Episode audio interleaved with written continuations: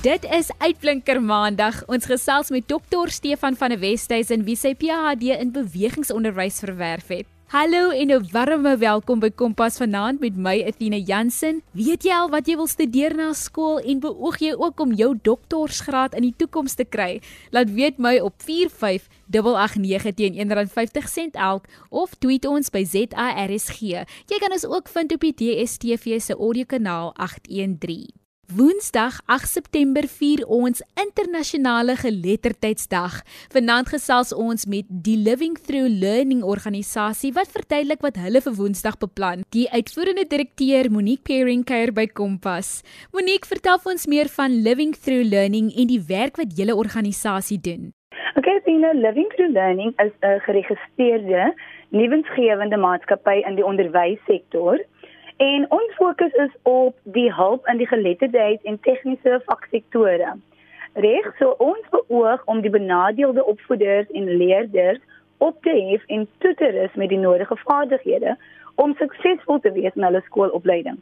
Living Through Learning is baie passievol oor die verbetering van onderwys regoor Suid-Afrika en met ons unieke getoetste onderrigmetode en ons hardwerkende personeel, ons groepie wat wat saamwerk, glo ons dat ons 'n verskil kan maak. Deur een kind op 'n slag te help, kan ons daarin slag om die onderwys in Suid-Afrika te verbeter. So dit is wat living through learning is. Waaroor gaan die internasionale geletterdheidsdag en hoekom is dit belangrik om hierdie dag in Suid-Afrika te vier? Die internasionale ehm um, geletterdheidsdag vir ons nê gaan oor die internasionale gemeenskappe om vir hulle te herinner dat geletterdheidsdag 'n menslike reg is en in die grondslag van alle leer is. So geletterdheid is 'n is 'n rede vir viering, eh, aangesien daar baie mense geletterd is nou in die wêreld, nê. So geletterdheid is vir almal, kinders, jonk, oud, die jeug en volwassenes. Dis egter steeds 'n onbegeleide doel en is 'n bewegende teken.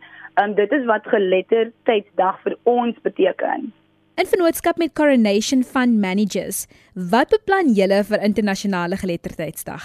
ons het 'n ongelooflike projekkie aan die gang met um Coronation Fund Managers.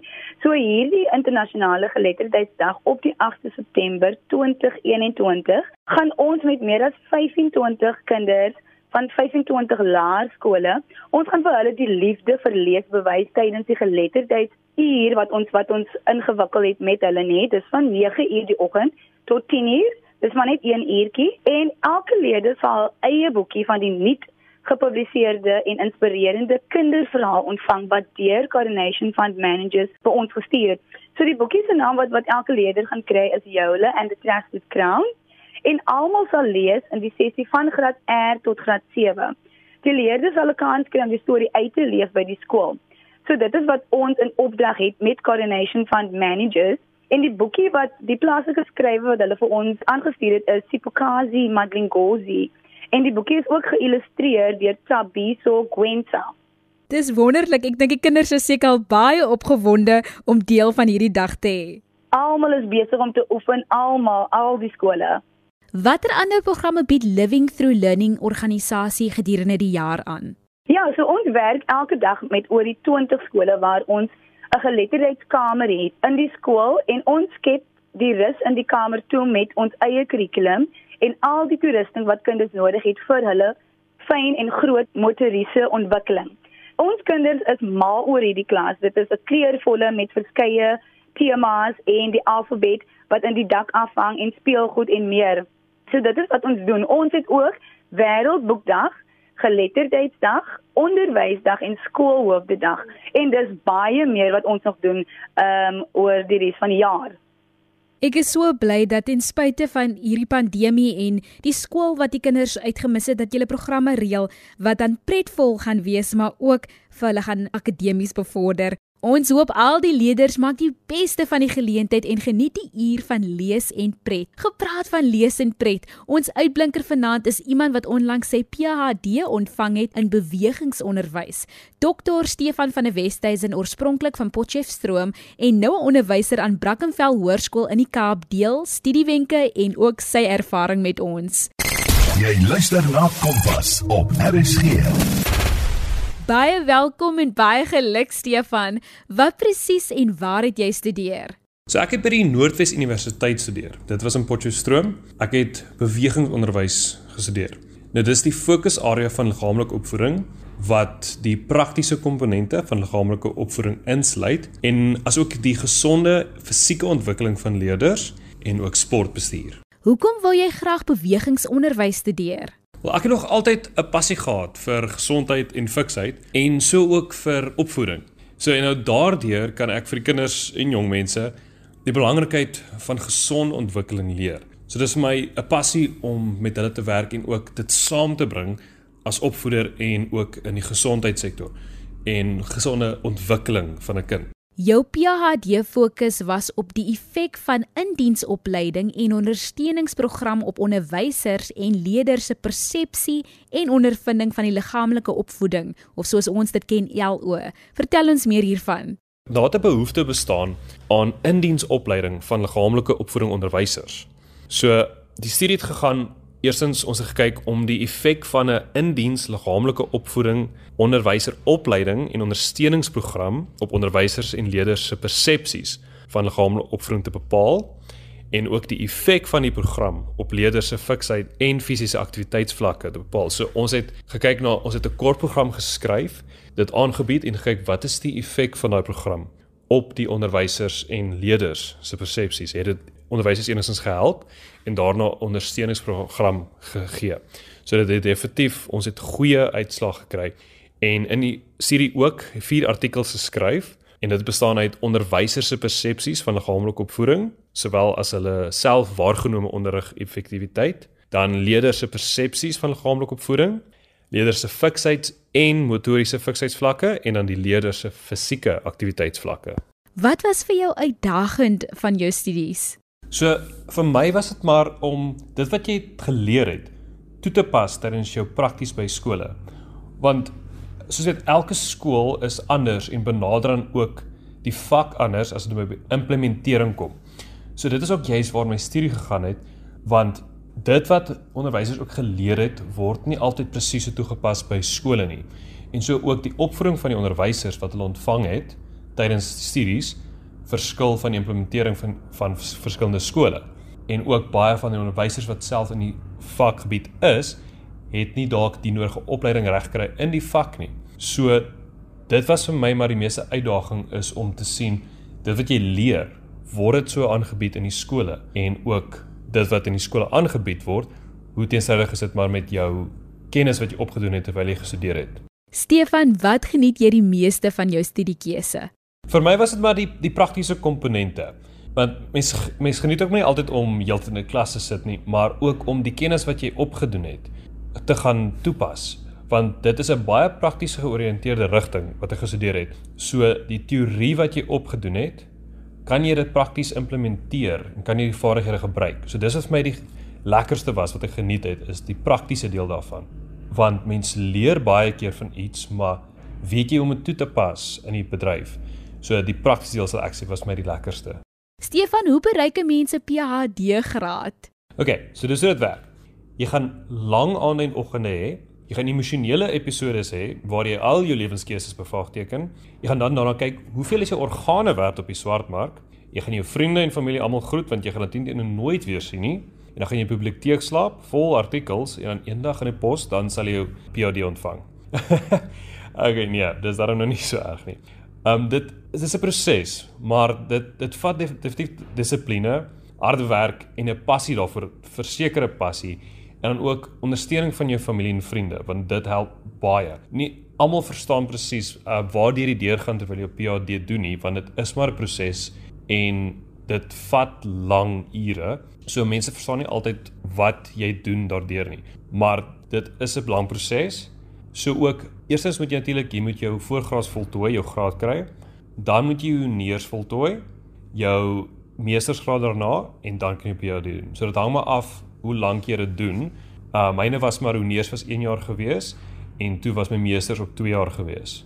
So dit is 'n maar lang proses, maar die groot ding is jy moet 'n passie daarvoor hê. Watter eienskappe moet 'n mens hê om jou PhD te kan verwerf? Definitief geduld want dit is 'n dis 'n proses. Dit gebeur nie sommer van self in 'n kort tydjie nie.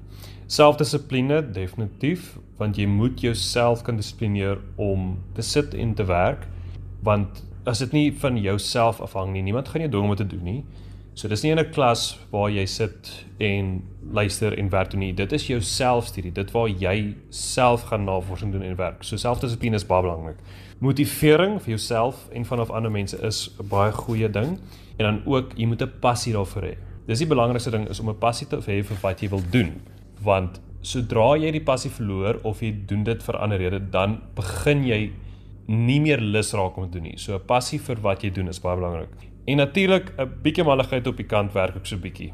Was dit vir jou moeilik om ver van die huis af te studeer? Dit was vir my nogals uitdagend want die 3 jaar wat my gevat het om met PhD PhD te doen, was ek in Suid-Korea gewees die hele tyd. So al die korrespondensie wat ek gehad het met deur my studies was maar deur e-pos en selfoon gewees. So dit is maar oor en weer heeltyd e-posse en vergaderings jy bywoon maar aanlyn.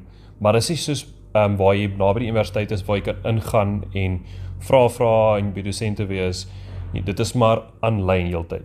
So maar as jy gelukkig is soos wat ek was en uitstekende studieleiers het, is dit 'n baie goeie ding vir jou sukses want dit kan dit maak of breek. Um ek was baie bevoorreg geweest om onder my studieleiers te werk wat regtig great was en my deur stap vir stap gehelp het. So die beste raad wat ek kan gee vir afstandsleer as jy so ver is van jou universiteit af, is om kommunikasie te hou met jou studieleiers. Dis baie belangrik. Jy is tans 'n onderwyser. Wou jy nog altyd met kinders werk? Uh, wel ja, ehm um, soos soos kinders en jong mense, dis my passie maar waarmee om te werk want op die vlak is my is hulle nog baie skieurig en ek ek geniet dit om goed te deel. So ek wil graag op basislyn inspireer vir veral vir my studies soos met gesonde fiks um, ontwikkeling en fisiese fiksheid liggaamlike opvoeding om met hulle te begin om soos 'n saadjie te plant en dit van daar af te laat groei.